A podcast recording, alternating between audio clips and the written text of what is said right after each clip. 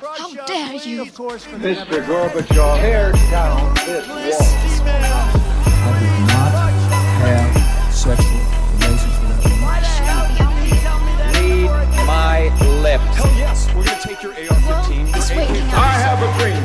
Thank you. Ja, Det nærmer seg slutten av eh, 2022. Det har vært eh, et år, et begivenhetsrikt eh, år på, på svært mange måter. Og i denne episoden så skal vi gjøre noe litt annerledes, eh, Harald. Vi bare går gjennom noen av de sakene som eh, vi personlig mener er viktigst. Det kan vel kanskje bli to-tre saker hver, eller noe sånt, og så får vi, får, vi, får vi se. Men det er jo fint å ta en liten sånn oppsummering i disse førjulstider. Nå er vi jo ferdig med eh, sensorarbeidet vårt. eh, Stort sett på eksamener, så nå Desember er jo alltid veldig hektisk for oss, men nå har det jo eh, Dermed så har det jo også ikke blitt så mange podkaster i desember, fordi det skjer jo også veldig mye i desember for oss. Eh, Men vi må jo ta en liten oppsummering av, av året. De viktigste sakene. Det er jo fryktelig mye å snakke om, så vi kommer sikkert til å glemme en hel del. Men eh, om, vi- om vi husker begynner å huske dårlig, spørs om det er eh, det. Er det. Men eh, Harald, eh, den eh, første saken som du vil trekke fram som, du, som står seg, eller som står sterkt for deg i 2022? Eh, Ja, det er vanskelig å komme utenom krigen i Ukraina. Ja. Det er kanskje den, den største begivenheten i internasjonal politikk på flere tiår.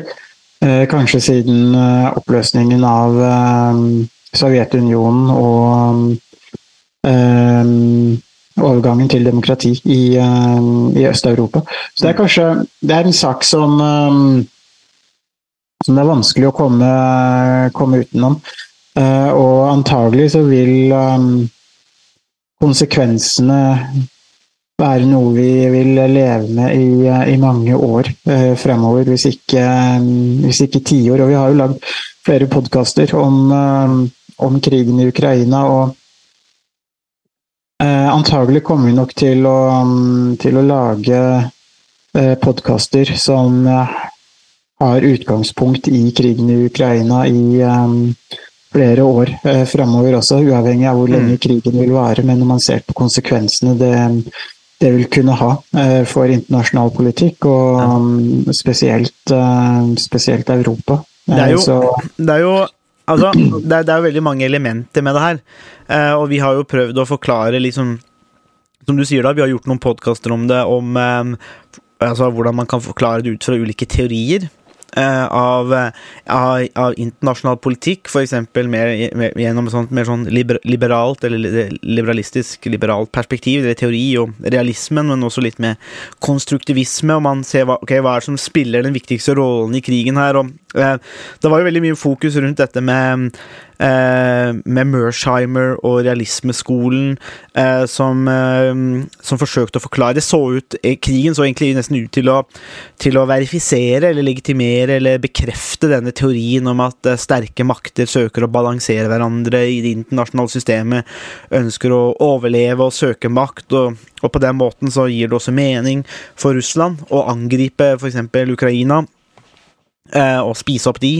Eh, og eh, og, og, og Mersheimer har jo Han, eh, han ble jo Det blei veldig kjent, det, noen av disse arbeidene hans, Uh, og han holdt noen taler og tidlig på våren. og men så har han også vært da og besøkt noen av disse diktatorene. har, han har jo fått et lite smell i, i, i renommeet sitt, for det er litt sånn uh, Det blir jo ikke så veldig objektiv forsker når du, når du på en måte reiser og besøker en del av disse, og, og langt på vei argumenterer for at selvsagt må en sånn krig skje. og eh, jeg tenker jo at eh, Rent akademisk så vet jeg ikke om, om den såkalte realismeskolen kom så godt ut av det, fordi eh, det, virka, det virker litt sånn opplagt umiddelbart, men når man begynner å grave i det og man ser hvordan dette fungerer, så, så, så tegner det seg jo et helt annet bilde.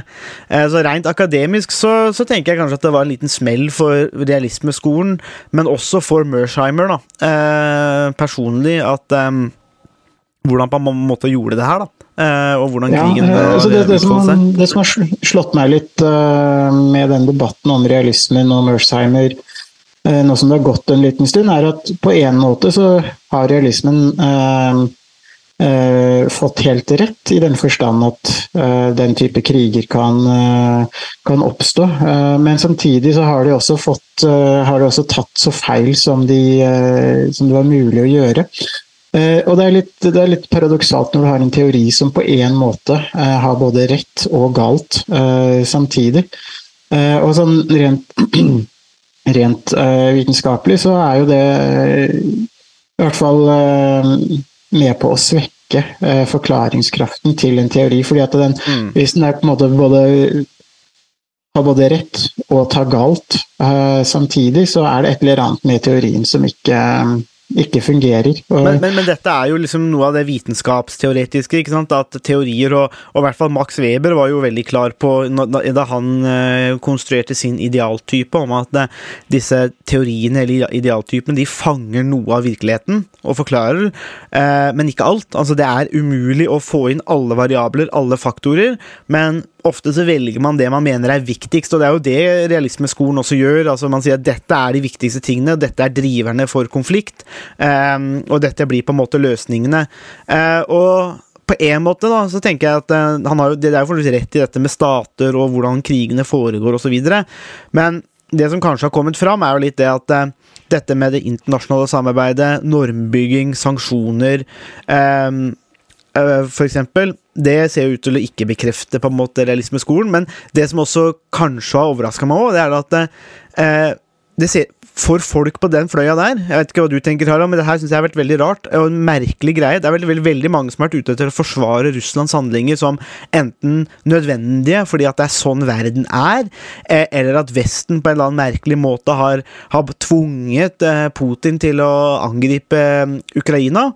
Og det som jeg syns er rart, er, jo det at f.eks. i realismeskolen så er jo staters suverenitet alfa og omega. Og stater søker å overleve i det internasjonale systemet. Dette er en av disse, to av disse tre S-ene i uh, survival og state, uh, for eksempel, eh, i, i teorien. Men mange av disse er, er tydeligvis veldig happy med å bare hoppe over Ukrainas suverenitet. Og det, frem, det, det fremstår som er veldig merkelig når man har disse teoriene. så er Det sånn, det er veldig enkelt å bare hoppe over den svakere statens på en måte, ja, Det, det ser ikke ut til å gjelde de, da. Ja, og det er jo et paradoks når man ser på um, hvordan Russland har agert utenrikspolitisk de siste, eh, spesielt de siste to tiårene uh, som Putin har uh, hatt makten, så, så er det jo ganske altså, Russland er jo det eneste landet som har forsøkt uh, å um, endre valg i Nato-land eh, på den måten som de, de har gjort gjennom ulike sånn, trollfabrikker eh, og eh, desinformasjonskampanjer. Eh, og de er også eh, det eneste landet som, eh, som har forsøkt å eller som har begått eh, henrettelser og drap i andre land. eh, to ganger i, i Storbritannia. Og det er også det eneste landet som eh, har eh, gått til eh, invasjon av et naboland, og da to ganger. Mm. I Georgia og i, i Ukraina. Så det er jo vanskelig å, å, å se at det er noen andre som land, eller stater eller Nato-land, som har vært eh, aggressive eh, på den samme måten overfor for Russland. Det er Russland som ved flere anledninger eh, har begått aggressive handlinger. Eh, og eh, i et realistisk perspektiv så kan man jo si at noe av det som er problemet, jo, har jo vært at andre stater ikke har fulgt eh, realismen eh, i måte, den litt mer sånn klassiske forstanden i at man skal avskrekke og eh, vise eh, egen styrke. At hvis man kanskje hadde gjort eh, Hvis man kanskje hadde vist større grad av militær styrke eh, og vilje, så ville man kanskje kunne unngått noen av de de, det vi har sett fra, fra Russland sin side. Samtidig så har jo Tyskland og Europa hatt en tilnærming hvor man har forsøkt å inkludere og ta med Russland eh, i et samarbeid, og Tyskland har jo gjort seg eh, eh, pinlig avhengig av russisk gass. Så man har på mange måter forsøkt å ha en tilnærming hvor man har forsøkt å integrere Russland, men hvor det ikke har hatt noen, noen effekt i, det, i, det hele tatt. Og eh, Sånn sett så er det, er det kanskje en er, er det ganske uklart hva slags strategi som ville fungert. Burde man hatt en, en mer realistisk tilnærming? Eller burde man hatt en mer eh, liberalistisk eh, tilnærming? Det virker som at uansett så er det ingen, ingen av de strategiene som, eh, som har gitt eh, fred og sikkerhet eh, i, eh, i, Europa. og så er det viktig å, å, legge til at det er en ganske stor forskjell på den formen for realisme som Mersheimer og mange av de nyrealistene står for, og den realismen som man finner i mer de mer klassiske eh, versjonene fra eh, Machiavelli, Hobbes eh, og, og, andre.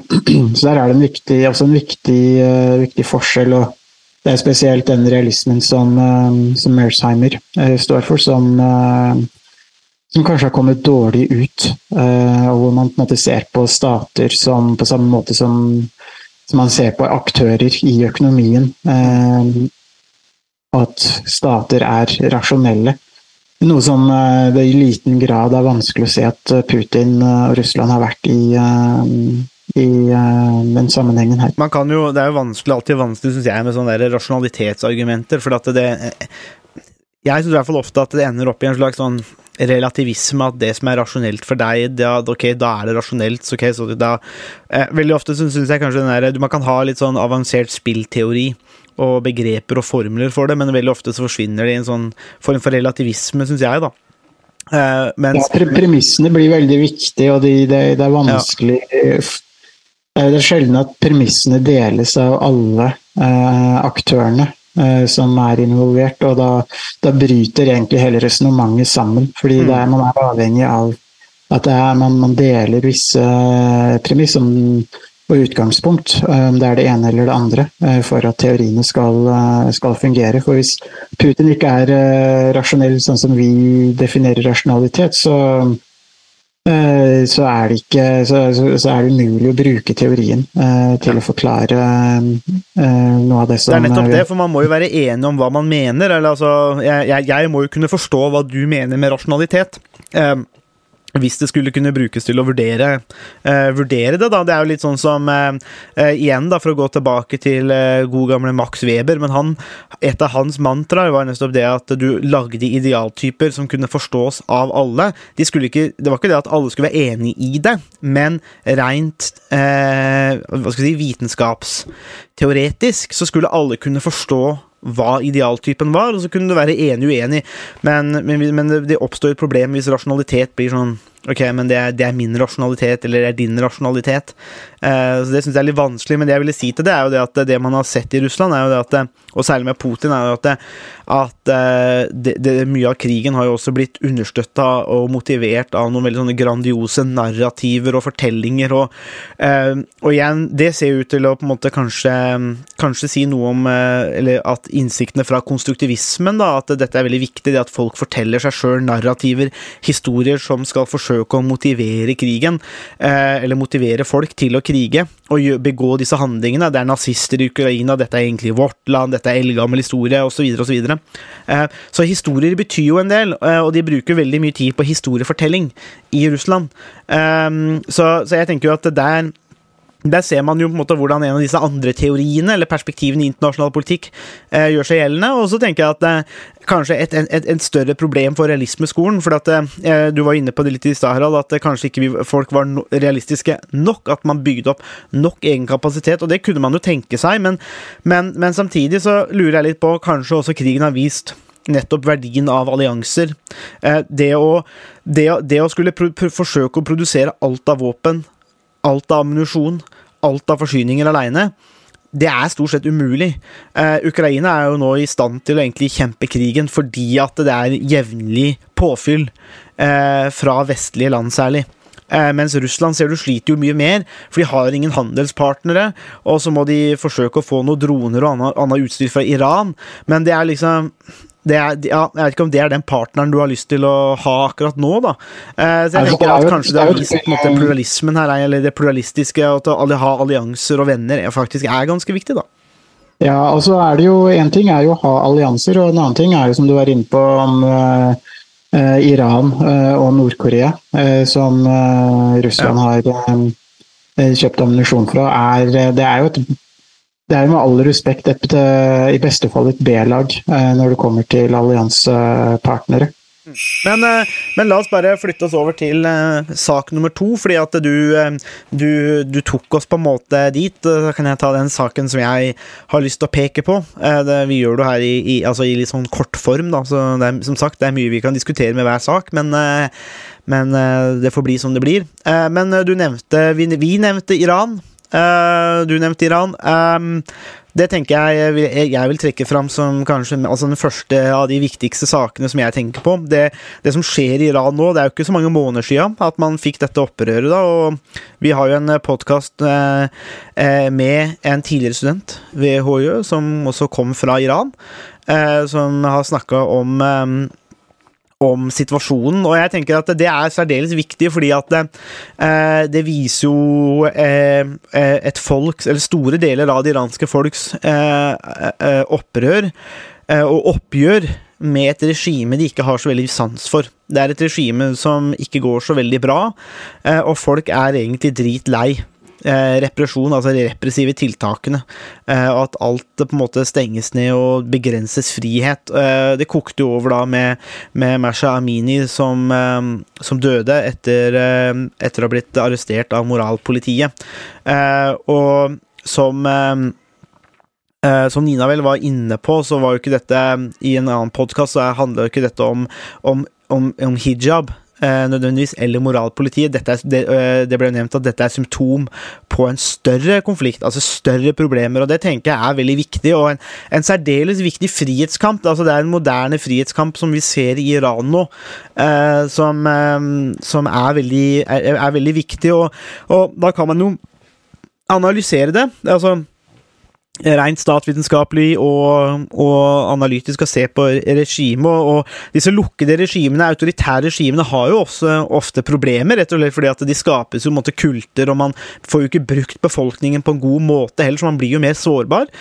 Eh, Så det, jo, det illustrerer jo på en måte noe av den sårbarheten tenker jeg, ved autoritære regimer, men, men også rent normativt. Man skal jo ikke være redd for det normative i statsvitenskap heller. Så må jeg jo si at eh, rent personlig så heier jeg jo på de som, som, eh, som forsøker å leve sine egne liv. Og finne ut hvordan det fungerer.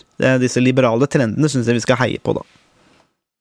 Ja, situasjonen i, i Iran er jo på en måte litt eh, at den eskalerte så, så raskt og ble så eh, Protestene ble så omfattende, var jo kanskje litt overraskende, fordi man har jo sett eh, ganske ofte at det har vært eh, protester i eh, Iran.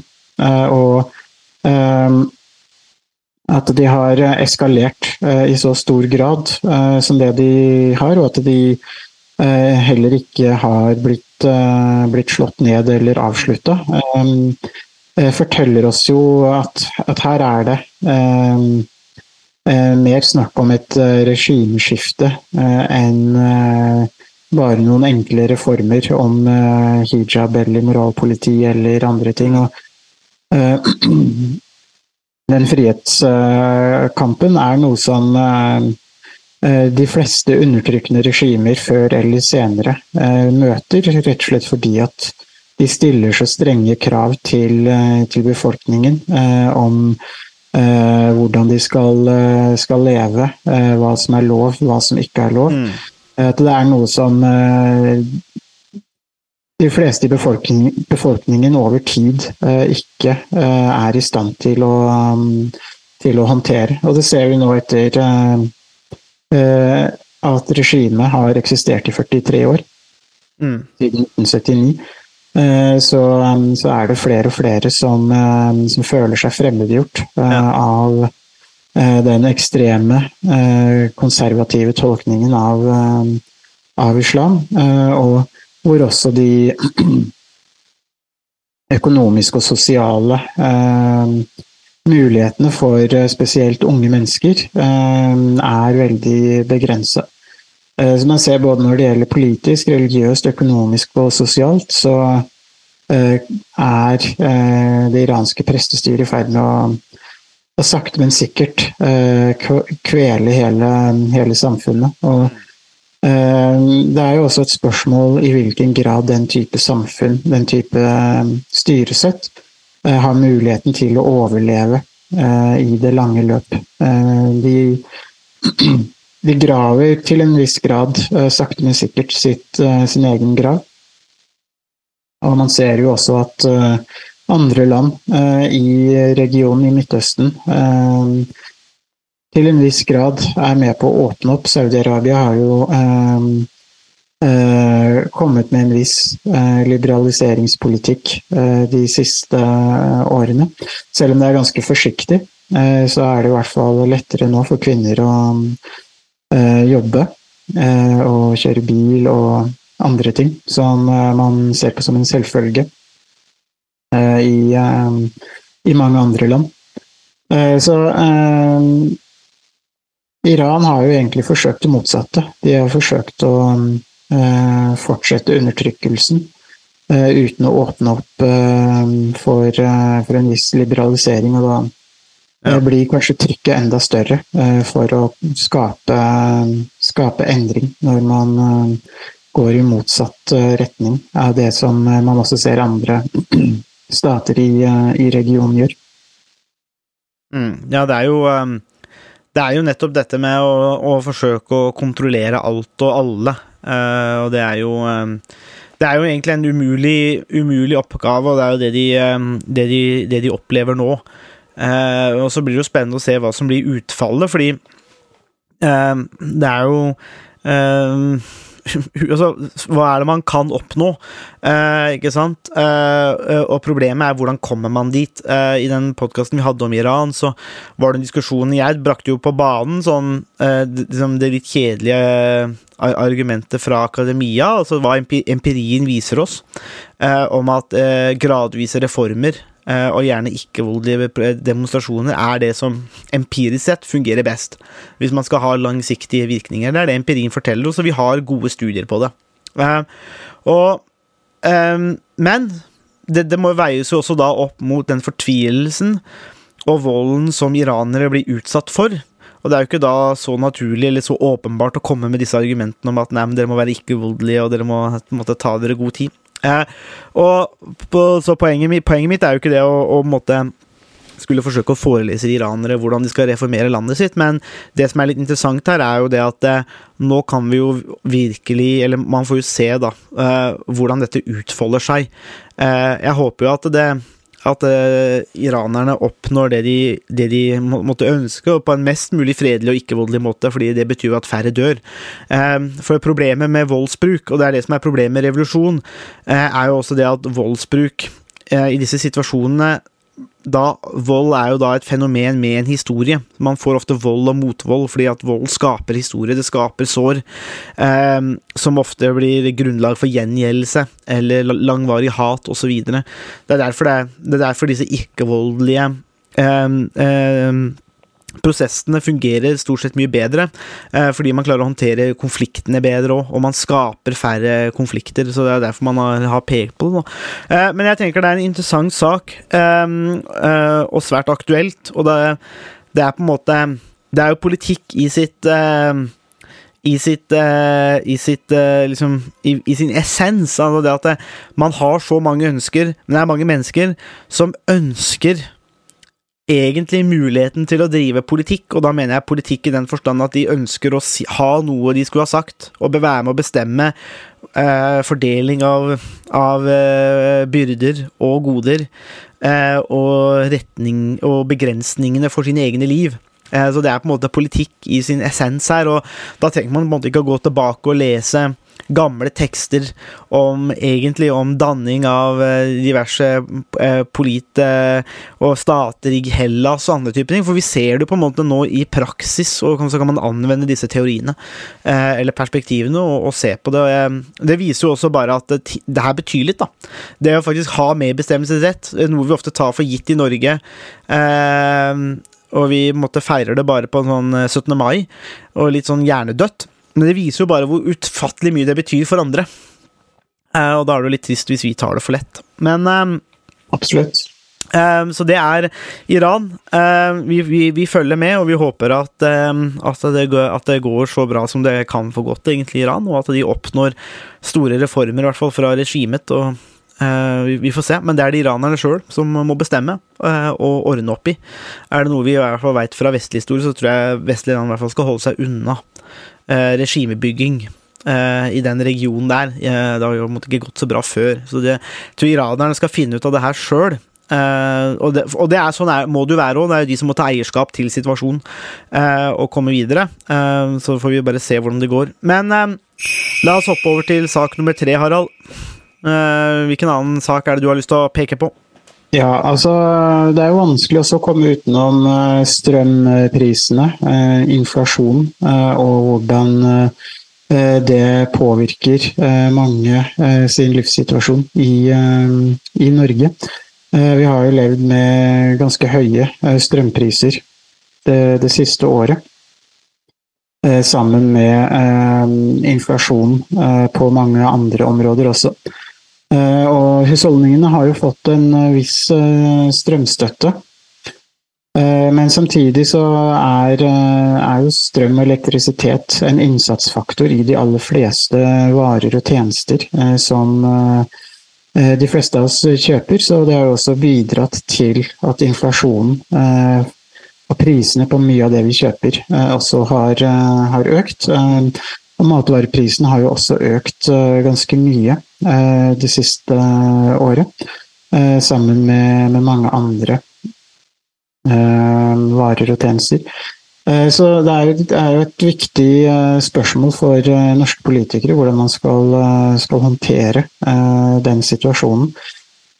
Og dagens regjering har jo fått svi for å ta ansvar. eh, Og eh, mange har vært misfornøyd eh, med det som, eh, har skjedd. eh, Eller det som ikke mange kanskje tenker ikke har skjedd. Det har vært en viss eh, eh, passivitet eh, når det gjelder eller fra regjeringens eh, side.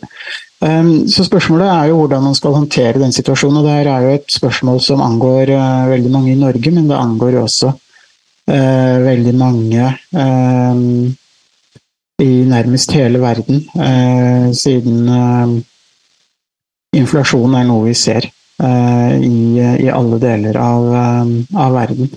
På alt fra kunstgjødsel og mat til transport og an andre,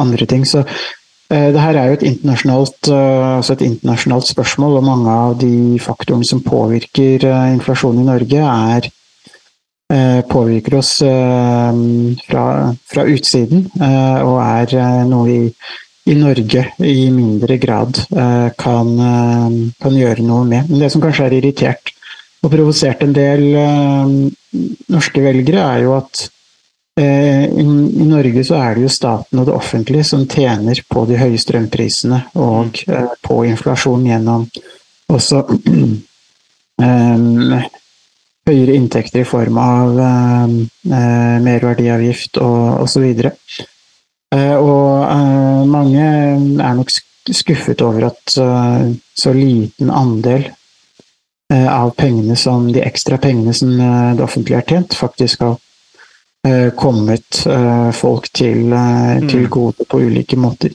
Eh, Så det her er eh, en, en vanskelig situasjon for norske politikere å håndtere, og hvor mange opplever regjeringen som passiv og litt, eh, litt tafatt.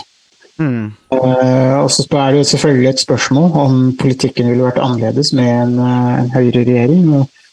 Eh, det er, akkurat det er vel ganske, ganske uklart, eh, og det blir jo en del hvis og om og som det er vanskelig å ta, ta høyde for, men eh, det ville nok gått hardt utover en hvilken som helst regjering som den situasjonen som man befinner seg i nå. Ja, ja til, til, til, til det siste poenget. Jeg hadde jo den Jeg hadde jo lista opp den eh, eh, dette temaet, jeg òg, men, og- men eh, under, også under en sånn kategori med litt sånn Jeg har egentlig lyst til å si litt mer sånn politisk trøbbel i Norge, fordi eh, når du sier nevn... altså, Jeg tror alle opposisjonspartiene er sjeleglade for at de er i opposisjon. Eh, og når vi ser Når vi ser litt sånn eh, når det kommer til eh, en del viktige saker, sånn som strøm f.eks., så ser man jo ikke at eh, eksempel partiet Høyre er så veldig eh, høylytte, fordi de er jo stort sett på samme linje, egentlig. Eh, og da er det egentlig bare best å holde kjeft eh, og la velgerne irritere seg over regjeringa, som helt klart oppfattes som tafatte, og, og langt på vei er nok det òg. Eh, eh, eh, re- rent politisk. Uh, mens jeg eh, uh, Jeg hadde lyst til å sette opp den saken litt mer som sånn politisk trøbbel, fordi at det, det, da, vi, da vi begynte å gå gjennom Altså, vi var jo skuffa over dette, litt, dette statsbudsjettet, i hvert fall var jeg skuffa over statsbudsjettet, fordi at det eh, eh, og det, altså det mangla sånne eksempel store, viktige prosjekter som samferdsel. da. Eh, om, det, om, om det være seg Østfoldbanen med dobbeltspor eller Ringeriksbanen.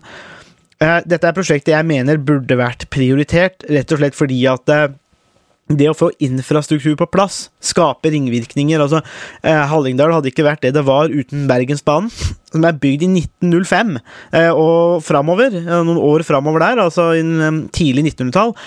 Over 100 år seinere så tjener jo Hallingdal og områdene rundt på Bergensbanen.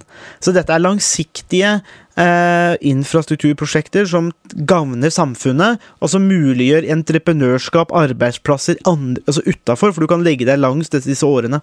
Eh, og jeg føler at på regjeringa Dessverre, eh, og, eller si, Harald, vi, vi, vi som måtte lese alle partiprogrammene altså, Og Ringeriksbanen var jo gryteklart prosjekt, men det hjalp jo søren meg ikke det heller, selv om eh, Arbeiderpartiet var aldri så glad i gryteklare prosjekter. Eh, men én ting som vi så, da altså Én ting er jo regjeringa, altså problemet til Senterpartiet er jo at de har lovt for mye. Det sa vi jo, det var jo åpenbart for alle. og på en måte syns jeg ikke Senterpartiet skal straffes altfor hardt med det. fordi at jeg tenker at Hvis velgerne virkelig tror at alt det et parti lover før valgkampen skal skje hvis de vinner, eller kommer i makt, da har du et urealistisk, sett, eh, urealistisk syn på politikk. Alle vet at idet du kommer inn på Stortinget og mandatene er fordelt og man kommer i regjering, så må det forhandles. Med mindre man har 50 eh, eller mer. Så det tenker jeg er urealistisk. Men problemet til Senterpartiet er at de lovte altfor mye, eh, og det var saker som gikk på folks hverdag, og så har de ikke klart å innfri det. Det de har klart å innfri, er en sånn sak som Viken, som ingen bryr seg om. Eh, Men problemet til Arbeiderpartiet er jo det at det, i partiprogrammet så var det jo bare sånn styring, altså det var managing, det var ledelse uten klare politiske prosjekter, og det er pokker meg det vi har sett i regjeringen nå. Akkurat det vi så i programmet som både du og jeg etterlyste i partiprogrammet, det har søren meg blitt overført i regjering. Det er stort sett bare byråkrati eller ja, management, ledelse av disse tingene. Det er ikke noe vyer. det er ikke noe, altså Til tross for å lage et uh, togselskap som heter Vy, så, så, så skorter det på vy, vyer, altså. Uh, og klare politiske prosjekter. Og, men jeg ser ikke så mye av det fra opposisjonen heller, så jeg la hele denne kategorien her under litt mer sånn politisk uh, trøbbel, jeg, da. Eh, men, men tilbake til det du brakte inn på banen, så er det klart at dette Økt inflasjon og levekostnader eh, det setter et press på folks hverdag. eh, På en måte som også setter press på, politikerne i Norge, som de ikke har blitt satt under eh, på svært lang tid. Ja, og um, man kan jo si at hovedforskjellen mellom Arbeiderpartiet og, og Høyre er at uh, de, de mener begge at de er bedre til å styre, uh, men uh, det er egentlig bare som for, å, for å lede uten at de har noe større formål eh, med det de ønsker å gjøre. Og det er eh, Arbeiderpartiet har jo lenge eh, profilert seg som et stabilt styringsparti. og det er Arbeiderpartiet som er best til å ta Norge gjennom eh, kriser og vanskelige situasjoner. Når vi ser på hvordan eh, Arbeiderpartiregjeringen eh, har vært det siste året, så, så har den eh, profilen eh, fått seg et skudd eh, for baugen. Og der har nok Arbeiderpartiet mista noe av den, eh, den eh, tilliten som mange har hatt til at eh, de vil styre Norge trygt gjennom, gjennom kriser. Men så kan man jo se på, på Høyre, og spesielt på Høyre sitt forslag til statsbudsjett, som kom for en stund siden her i høst. Som var minst like skuffende. For der var det veldig få forskjeller. Eh, Viktige forskjeller eh, å spore mellom Arbeiderpartiet og, eh, og Høyre. Og, og Høyre kom jo med noen eh, dårlige unnskyldninger om at de hadde hatt lite, lite tid til å gjøre endringer og til å forberede sitt alternative statsbudsjett, fordi de måtte ta, ta utgangspunkt i dagens regjering sitt, sitt forslag. Men det er en veldig dårlig unnskyldning. De har hatt et helt år på å jobbe med ulike prioriteringer. Mm. eh, På å gjøre eh, ulike valg om hva de vil eh, løfte fram. hvordan de vil legge seg når det gjelder skatt, avgifter, inntekter mm. osv. Eh, og at man får et så tafatt budsjettforslag fra et, det ledende opposisjonspartiet, er skuffende. og det tyder på at de egentlig ikke helt tar opposisjonsrollen eh, alvorlig. Vi er avhengig av et, eh, en sterk opposisjon eh, for at demokratiet også skal, eh, skal være levende. Og vi trenger en opposisjon som virkelig kan utfordre regjeringen. og det det er et mer et prinsipielt poeng som, som er viktig, uavhengig av hvem, hvilke partier som, som styrer. Mm.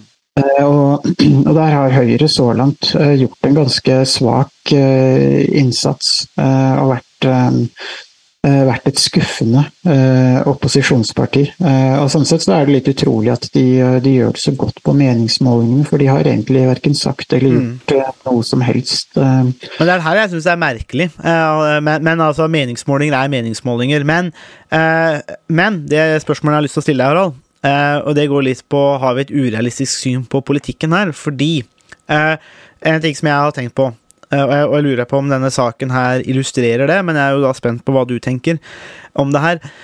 Eh, For det forventer man for mye av politikerne eh, og det politiske systemet. fordi at eh, eh, Du nevnte jo litt av disse store konjunkturene, store endringene i økonomien, inflasjon. Dette er jo ting som Norge altså Vi, vi kan ikke styre det her sjøl, vi blir jo i stor grad påvirket. Og det er jo begrensa hva man kan gjøre eh, på én måte.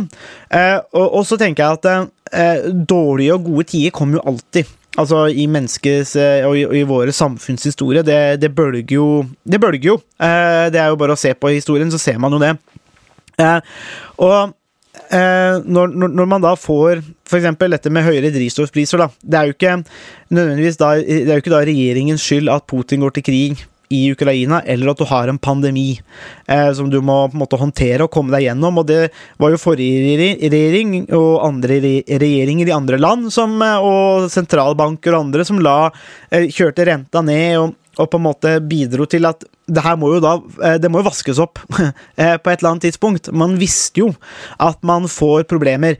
Men Og så ser man da under, under, under covid-pandemien, da, sånn, sånn som f.eks. i min egen kommune, så ser man at mange har jo gått til innkjøp av hytter. Eh, fordi at ikke de kom noen vei, f.eks. under pandemien. Så da kjøpte de en hytte til fire millioner i, Nesfjellet. da. Ehm, og nå sliter kanskje med økte kostnader fordi at rentene går opp. eh, og, og levekostnadene.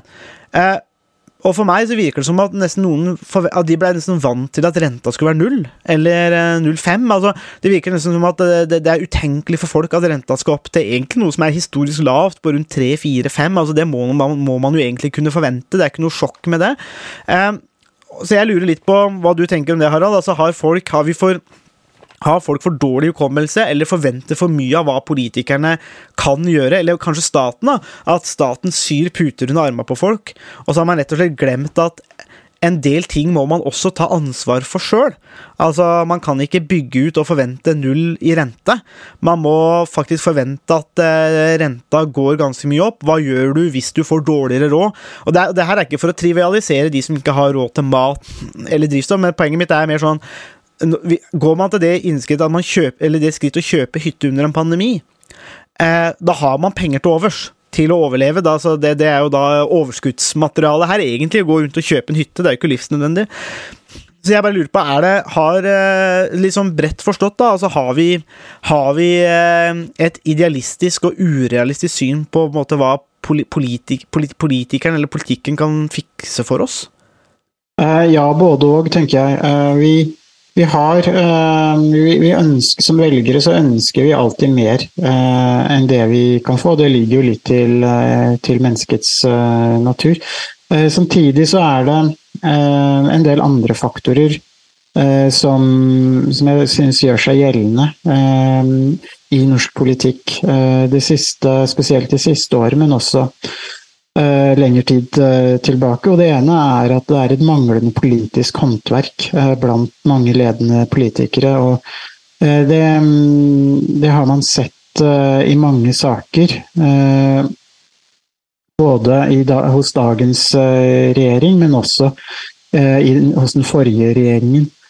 Og det man må forvente, og som er en helt legitim forventning til politikerne, er at man skal ha dyktige politiske ledere eh, som eh, har evne til å prioritere og til å, å lede et land gjennom vanskelige, eh, vanskelige eh, situasjoner og, og kriser. Og, og der syns jeg det skorter eh, på, hos alle eh, de ledende politikerne i Norge, både i opposisjon og i posisjon. Mm. og der der bør vi eh, kunne forvente, forvente bedre.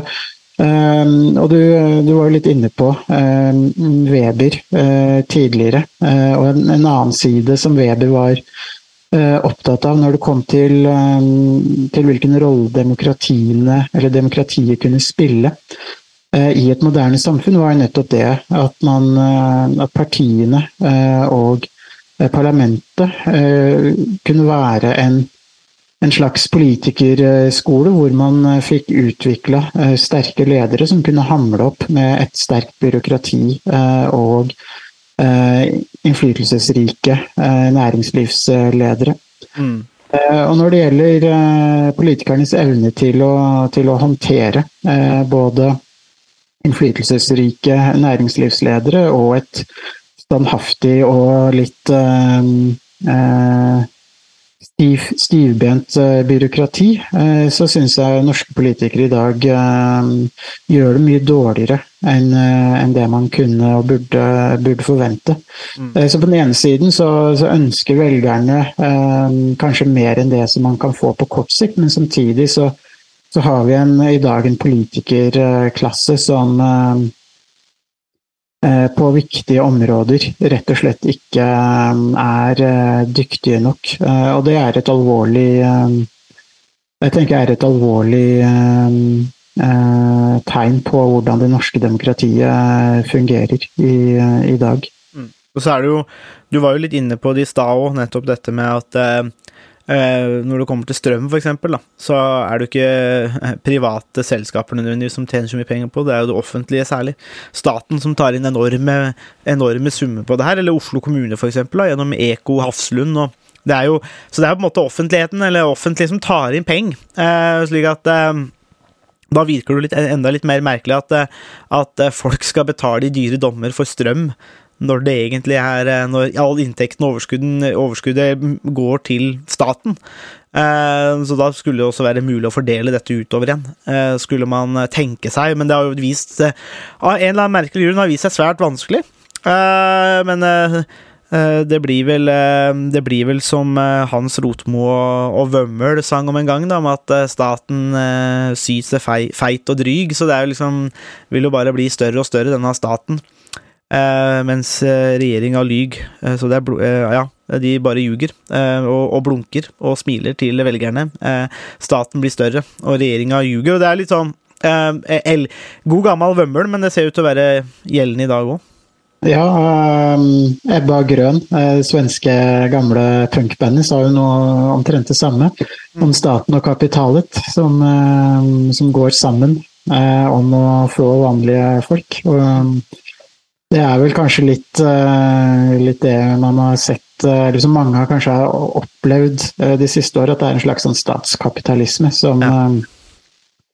Eh, som er med eh, på å gjøre livet unødvendig eh, dyrt og vanskelig. Jeg var ute på en Jeg var i en tur i Bergen denne, ja, forrige uke, og da fikk jeg jo på en måte eh, prøve liksom litt av denne statskapitalistiske eh, businessen, da. Der på en måte staten leiker privat togselskap gjennom Vy. Eh, og det fremstår for meg fortsatt helt uforståelig at de har brukt mange hundre millioner på å bytte ut NSB eh, med Vy og male toga grønne. Eh, at de, skal bruke skattepenger på det. Eh, og togopplevelsen har fara meg blitt dårligere òg. Eh, det er lenge siden jeg kjørte til Bergen Forrige gang jeg kjørte til Bergen med tog, var med Statsbanene. Eh, og da me, mener jeg også å huske eh, at i, i vogna så var det rullegardiner. Eh, de fins ikke lenger. Eh, så på vei over Hardangervidda, eh, i gnistrende sol, som for så vidt var fint, så kunne du jo ikke se ut vinduet. For det var jo så skarp sol, og du, du fikk liksom ikke gjort så fryktelig mye. Så, og den ja, Alt føles nedskalert ut, og dårligere, men det er jo det som må til da for at uh, man skal kunne lønne noen flere kommunikasjonsrådgivere. Ja, og mange av de som pendler på um, Østfoldbanen og den nye Follobanen, er vel er vel enig i, um, i den observasjonen om uh, hvordan um, uh, statskapitalismen uh, fungerer. Og en uke etter at den nye Follobanen ble åpna, så har det jo vært forsinkelser nesten hver eneste dag. Mm. Så man skulle jo tro at man bygger noe helt nytt, at man skal få det til riktig da, men det virker som de samme problemene bare, eh, bare fortsetter. Og da kan man jo stille spørsmålstegn ved om eh, eh, man eh, har, tatt riktige beslutninger eh, tidligere når man har eh, eh, valgt å, å splitte opp eh, jernbanen i en rekke ulike underselskap eh, som, eh, hvor man skal sitte og flytte penger mellom de ulike, ulike selskapene. Ja, vi har jo snakka om det før, eh, men, men jeg må si at Og man ser jo i f.eks. fra England da, at flere og flere linjer blir nasjonalisert igjen, fordi at det har, ikke, det har ikke fungert med den privatiseringen. Men jeg må jo si at det fremstår for meg som en enda dårligere løsning at staten skal leike privatselskap, fragmenteres opp, eh, og så eh, og så drive med, med, med rett og slett suboptimale leveranser her, altså produkter. Er, da, da er det enten bedre å gjøre det til en nasjonal prioritet og ha billig tog til folk flest, eller så må man privatisere det. Eh, Og la de private aktørene få lov til å kjøre tog, og ikke leike med sånn der mellomløsning som, som på en måte ikke, ikke gjør noe som helst. Så, men eh, det er jo litt med det politiske Norge. Eh, Og så kan vi jo da avslutte med den fjerde saken. Vi trenger ikke ta noe mer, den podkasten blir jo lang.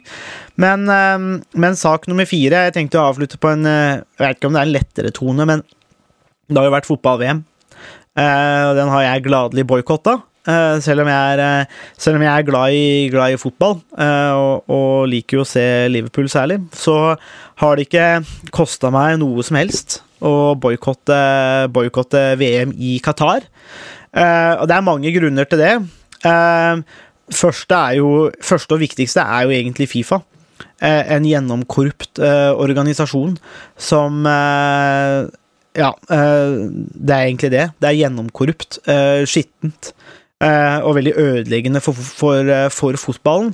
Eh, så det jo en, er jo en grunn god nok til å boikotte VM. Det andre er jo også tildelingen til f.eks. da Russland forrige VM, med Putin, og nå Qatar. Altså hvordan Fifa ikke har noe problem med å menge seg med autoritære regimer, og også gi totalt blaffen i menneskerettigheter i mennesker, egentlig, som er det Fifa egentlig selger produktet sitt på. At mennesker kommer sammen og spiller fotball. Ehm, og så gir det egentlig blaffen i, i millioner av mennesker. Eh, og i Qatar så er det mange som har svært mange fremmedarbeidere som har dødd og blitt behandla svært dårlig i forberedelsene til eh, arrangementet. Eh, slik at eh, i det hele så føltes VM som et meget eh, skittent VM, eh, og veldig ødeleggende for fotballen, selv om Lionel Messi da fikk sin eh, etterlengta VM-tittel og første til Argentina siden 86. Så så, som e egentlig var veldig stort. Um, men, men, jeg tror nok at seertallene også har, har, reflektert denne situasjonen. Jeg er ikke aleine. Jeg så at i, i Tyskland så hadde seertallene falt mellom, mellom 30 og 40 uh, fra tidligere mesterskap. Uh, 1,3 millioner mennesker så finalen i Norge. Jeg tenker ikke at det er så fryktelig mye. Det er ikke så veldig mye mer enn det Nytt på Nytt klarer å dra inn på en fredagskveld. Og dette er fotball-VM, altså hvert fjerde år, og man får en finale som går til straffekonk, med kanskje tidenes beste fotballspiller i Lionel Messi. Så jeg tror jeg kanskje en del nordmenn har boikotta, og Norge har jo også stått i spissen for kritikk her, da, gjennom eh, Lise Klavenes i i, i, Norges Fotballforbund, som har vært veldig kritisk. Så, øh, og, um, så det er liksom uh, Det er noe, det er noe storpolitikk i det her òg. Eh, jeg vet at du boikotta Harald uh, VM, men det var jo av, av andre grunner.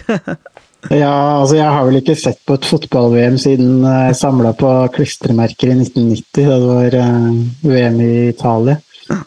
jeg har jo jeg, er jo ikke Selv om Sponvika er litt nedsnødd dagen. Eh, så har jo til og med jeg fått med meg eh, all Det er sjokkerende. Ja, all kritikken av eh, Qatar og, og fotball-VM. og Det har overraska meg hvor sterk deler av kritikken har vært i, i Norge. Og jeg syns også mye av kritikken er rett og slett uh, malplassert. Uh, at man tenker Man blir sjokkert over at Fifa er delvis uh, gjennomkorrupt. det, det er skal, Da tenker jeg at man skal man har antagelig levd under en stein et eller annet sted i Norge de siste 20 åra. Hvis mm. Hvis man blir uh, indignert uh, over det. Uh, og samtidig å tildele fotball-VM eller store idrettsarrangement til den type land som, som Qatar og Russland tidligere, det, det er nå engang sånn verden er. Og hvis man skal tildele den type idrettsarrangementer til bare de landene som er rene og ranke, så er det antagelig bare eh, Canada eh, og Skandinavia som mm. er verdige. Det er vel den eneste muligheten Norge har for å komme til VM òg, er hvis vi får lov til å arrangere VM sånn hvert åttende år. Det, det, det, jeg tror nok det stemmer også. Så, og det er liksom, jeg tror mange av de som kritiserer fotball-VM, de er nok ikke helt forberedt på Eh, hva slags moralske kompromiss eh, man eh, må inngå i internasjonal politikk. Og at den politiske makten er i ferd med å flytte seg fra både når det gjelder idrett, men også politikk for øvrig, er i ferd med å flytte seg fra Nordvest-Europa til Asia, Latin-Amerika og andre deler av verden. Og det, man er nok ikke forberedt Eh, på hvordan verden vil, eh, vil se ut fremover hvis man blir så indignert over et, eh, en tildeling av et, et fotball-VM som det mange har blitt, blitt i Norge. Så jeg syns det vitner om en litt en enfoldighet og en, egentlig en slags form for etnosentrisme og en slags moralsk imperialisme hvor man forsøker å rekolonisere eh, fotball, eh, eller hva fotballen skal, eh, skal være. Mm. Eh, og jeg har jo ikke sett et sekund eh, på fotball-VM, og kommer antagelig ikke til å gjøre det resten av livet heller, eh, med mindre noen binder meg fast foran TV-en. og jeg ville jo sett på det som en ganske stor straff hvis jeg ble tvunget til å se på til å se på fotball-VM. Mm. Men eh, jeg tror i hvert fall altså, Tyskland inngikk jo, eh, samtidig som VM ble arrangert, så inngikk jo Tyskland en ganske stor avtale om leveranser av gass med Qatar. Mm. og hvis Qatar det, er jo, altså, det er jo fremmedarbeidere som har bygd alle de gassanleggene i Qatar og mange andre mm. steder i, i Midtøsten. Så um, det er litt eh, Jeg ser ikke helt poenget med den sterke kritikken av fotball og eh, hvordan fotballarenaen har blitt, eh, bygd når man så lett aksepterer gassimport fra de samme, samme landene. Det må være en viss en viss form for konsistens. Hvis man skal kritisere det ene, så må man også kritisere det andre. Og hvis arbeidsforholdene er så, er så ille, så, så, burde man egentlig bare eh, latt hele Qatar og hele Midtøsten være untouchables, eller mm. bare la de være. Men, men det er noen gang sånn verden er, og vi må forholde oss til hvordan verden er. Og de fleste av oss har jo en smarttelefon som mm. hvor både Eh, mange av, mye av råmaterialet og produksjonen eh, har skjedd under eh, muligens litt tvilsomme forhold. så lenge vi, vi bytter mobiltelefon nesten hvert eneste år, så, så kan så, så, kan vi ikke samtidig kritisere Qatar og andre land for, Eh, å bryte menneskerettighetene når vi eh, på mange måter støtter opp om det samme eh, selv også på andre områder.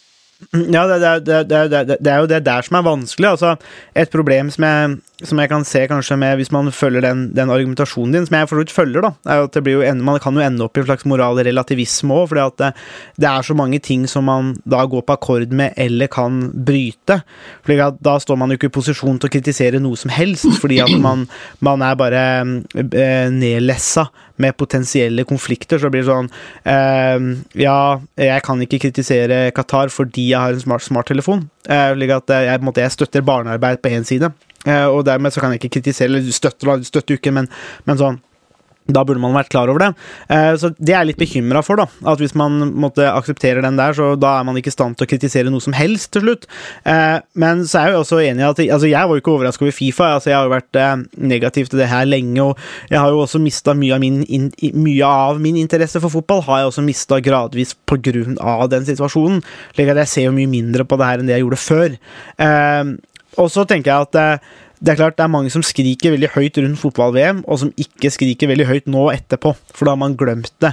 Uh, og det, det, det, tenker jeg at det, det, det er jo et problem. Uh, når, når, når, man, når, man, er der.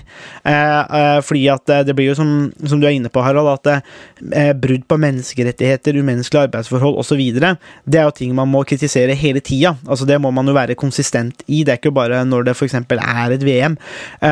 så det, den følger jeg egentlig følger jeg jo, den argumentasjonen. Og så håper jeg Det, det som egentlig kanskje jeg har tenkt, da er det at det, det, man kan håpe, er jo at en, en, hvis mange boikotter f.eks., osv., så, videre, så kan det kan jo være en, en, slags korreksjonssignal. La oss si at inntektene går veldig ned, da, eh, og folk snakker der gjennom markedet. Så kan jo det være en korreksjon.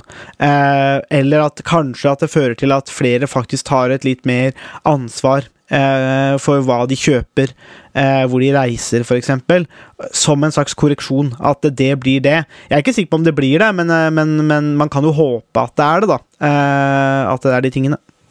Altså Dilemmaet her er jo at eh, verden ser ut sånn som den gjør, eh, og politikere og mange næringslivsledere og bedrifter de de har ofte ikke noe valg, de må forholde seg til uh, ja. Eh, de uh, regimene og den politikken som, som blir uh, ført. Og som vi var inne på innledningsvis om Ukraina, så er jo suvereniteten til hvert, hver enkelt stat på mange måter en del av den, det vi ser på som en ukrenkelig del av det internasjonale systemet. og at politikken er sånn som den er i Qatar, Kina og mange andre steder, er jo dypt uh, beklagelig. Man skulle ønske at mange samfunn kunne se annerledes ut, uh, men samtidig så må man forholde seg til uh, de samfunnene slik de er. Og det som er det, Noe av det sentrale er jo hvis man over tid kan få forbedringer når det gjelder menneskerettigheter og individuell eh, frihet eh, og økonomisk eh, framgang. Og det man har sett fra andre verdenskrig og offentlig i dag, er jo at det har vært en veldig stor nedgang i antall mennesker som lever i absolutt mm. fattigdom. Etter andre verdenskrig så var det jo så mye som over 30% 36% 30-36% som, som levde under den absolutte fattigdomsgrensen. I dag så er det vel rundt 16 Det har gått litt opp etter eh, de, de siste årene med, med pandemi, eh, altså etter den forrige finanskrisen. Men, så der man har jo fått en ganske stor eh, reduksjon i antall fattige. eh, og veldig mange har fått uh, veldig mye bedre liv, uh, tross alt. Og det har jo også skjedd i mange undertrykkende regimer, som i, i Mm. Kina um, og, og andre land. Mm. Og vi var jo litt inne på, på det her under um, spørsmålet om om opptøyene i Iran også. Det er det er på mange måter eh, innbyggerne selv som til syvende og sist eh, må stå for en del av de politiske endringene. Det er begrensa hva vi som står utenfor, eh, kan gjøre. Og vi har jo sett at når Vesten forsøker å skape resten av verden i sitt bilde, så blir det bare enda verre. Mm. og nabolandet til Iran, Irak, er jo et Mm. Et levende eksempel på det. Så her, her møter man på veldig mange dilemmaer. Eh, men det som kanskje har irritert meg litt når det gjelder fotball-VM, er den litt sånn Det er framstått som litt eh, nesten litt kyklersk hyklersk og litt litt i overkant, eh, den kritikken som har kommet av eh, mot Qatar. Eh, og det er klart Eh, menneskerettighetene blir brutt i, eh, i eh, Qatar. eh, og, og eh, det at man hisser seg så veldig opp eh, over det, eh, er syns jeg er litt eh, Egentlig er litt merkelig eh, at eh, det får, de store, de store proporsjonene det har, når man ser eh, hva slags menneskerettighetsbrudd som også blir eh, begått eh, mange andre steder i, eh, i verden også. Ja da. Det er jo eh, Det er jo man Altså, det er jo, det er jo et problem at man eh, eh, Ja, kanskje noe av denne kritikken mot Qatar har vært en slags form for Twitter-aktivisme. At man, man er veldig aktiv akkurat da og, og, på, og på disse sosiale mediene, men ikke, ikke permanent. Men eh, jeg tenker uansett at eh, det hadde vært fint om dette, om dette var starten på en slags korreksjon, eller en korrigering. Av, eh, av makt og penger og situasjonen i fotball. At man, eh, at man tok, noen, tok noen grep der. Det er i hvert fall noe jeg kunne ønske meg hvis om, det skjedde. Jeg tviler jo på det, men, eh, men eh, det ville jo vært eh, fint om det var en slags vekker. Men eh, som sagt, det kosta meg ingenting å, å ikke se på VM. Eh, Det var egentlig veldig lett. eh, Og det, og det er jo kanskje det som kan være skummelt for fotball nå, da, hvis, eh, hvis mange nok boikotter og finner ut at det ikke var så veldig stort tap, sånn underholdningsmessig. Så vil jo noe, kan jo mye av det kommersielle grunnlaget forsvinne. Eh, og, da, og det, er der, det er jo der man får disse avsindige lønningene og sånn. Eh, men så man kan jo håpe at folk ser fotball for det det er, da. At det er en, eh, for så vidt en artig aktivitet. Men, men er det en aktivitet som, som rettferdiggjør lønninger på mange millioner kroner i uka? For eksempel. Det er jo det for det, når markedet kan bære det, men det fører også til mye skitt i ting, da. Som Ja, altså fotballen er jo eh, som er jo en del av underholdningsbransjen, eh, og de er jo avhengig av eh, seere for å kunne selge reklameinntekter og annonser Mm. og, så så, sånn sett så, så er jo markedet som, som rår, og de aller fleste har jo et valg om man vil bruke eh, kveldene på Netflix eh, eller eh, å se fotball. Og fotball har vel ikke kommet så veldig godt ut for en del de siste, siste ukene, men samtidig så er det, det er litt skremmende å se hvor dårlig eller lite forberedt mange er på hvordan verden faktisk ser ut, og hva man må må forholde seg til eh, i det 21. århundre. Og hvis man ikke er forberedt på det, så, eh, så må man holde seg under den lille steinen man eh, bor under i, eh, Mm. i, eh, i Norge. Og også den, det at man skal lære resten av verden hvordan man skal eh, Mm. eh, utvikle, eller hvordan man skal drive med menneskerettighetsarbeid. også, syns jeg rett og slett eh, har vært eh, usmakelig å være være vitne til de det er, jo, det, er jo, liksom, det, er, det er jo et problem når man eh, kanskje er kritisk til, eh, til Qatar og VM, men likevel eh, reise på tur eller shoppingtur til Dubai. Eh, eller fly med Emirates. Eh, eller eh, Qatar. Eh, og, og så man, eh, det, man blir jo møtt av disse dilemmaene eh, overalt, og da bør man jo helst også være noe eh, konsistent, da, eh, som du er inne på. Men eh, det er uansett en eh, Det har vært en viktig sak, eh, dette med VM, og vi får se hvordan det hvordan det, hvordan det fortsetter. Men eh, det var i hvert fall eh, en fire ulike saker i 2022 eh, som har vært viktig. Vi har jo sjølsagt da ikke fått snakke om veldig mye annet, men eh, dette er i hvert fall dominerende saker. Og noen av de kommer jo også til å henge inn, i- godt inn i 2023, altså dette med inflasjon og prisvekst og krigen i Ukraina. Eh, Så det kommer vi til å snakke veldig mye mer om, men dette var nå i hvert fall et eh, lite forsøk fra eh, oss da, i statsvitenskap og sånt, til å oppsummere 2022, og så kommer vi vel tilbake med noen andre podkaster òg. rundt det nyttår, kanskje. Noen, noen spesialer. Vi er jo gode glad i det, Harald. Noen sånne spesialer. Det er ingenting som en uh, SOS spesial. Spesial den skrives med to s-er, uh, fordi den blir produsert deretter. Så vi, uh, vi, kommer, til, vi, vi kommer tilbake der. Um, og hvis dette er siste podkasten lytterne hører på i, i 2022, så må vi jo bare benytte sjansen til å takke alle lytterne eh, for, eh, for at de hører på. Vi har jo en, en, en jevn masse med lyttere, Harald, og det er vi, jo, er vi jo glade for. Vi har jo ikke gjort så mye for å promotere, promotere podkasten, publisere den. Og eh, formatet er jo, er jo som sagt skamløst. Vi gjør jo bare det vi vil. Eh, men det er jo gledelig at det er så mange hører på, da. Og hvis dere er, har noen kommentarer eller spørsmål, så er det som sagt bare å sende inn. Harald tar imot alt. Er, det er 24-7 hotline, så det, det, er, det er noe vi nå har implementert nå, da. Men da fikk du beskjed om det, Harald. Ja, nei, men takk for det. Det gleder jeg meg til. Mm, han- Harald gleder seg, så det er bare å sende inn. Takk for at eh, du hørte på Statsvitenskap og sånt. Har du spørsmål, kommentarer eller tilbakemelding, så er det bare å ta kontakt på vår Facebook-side, per e-post eller brevdue. Musikken er som vanlig laget av Robin Horvath, og Mats Halvorsen mikser og redigerer podkasten. Vi høres!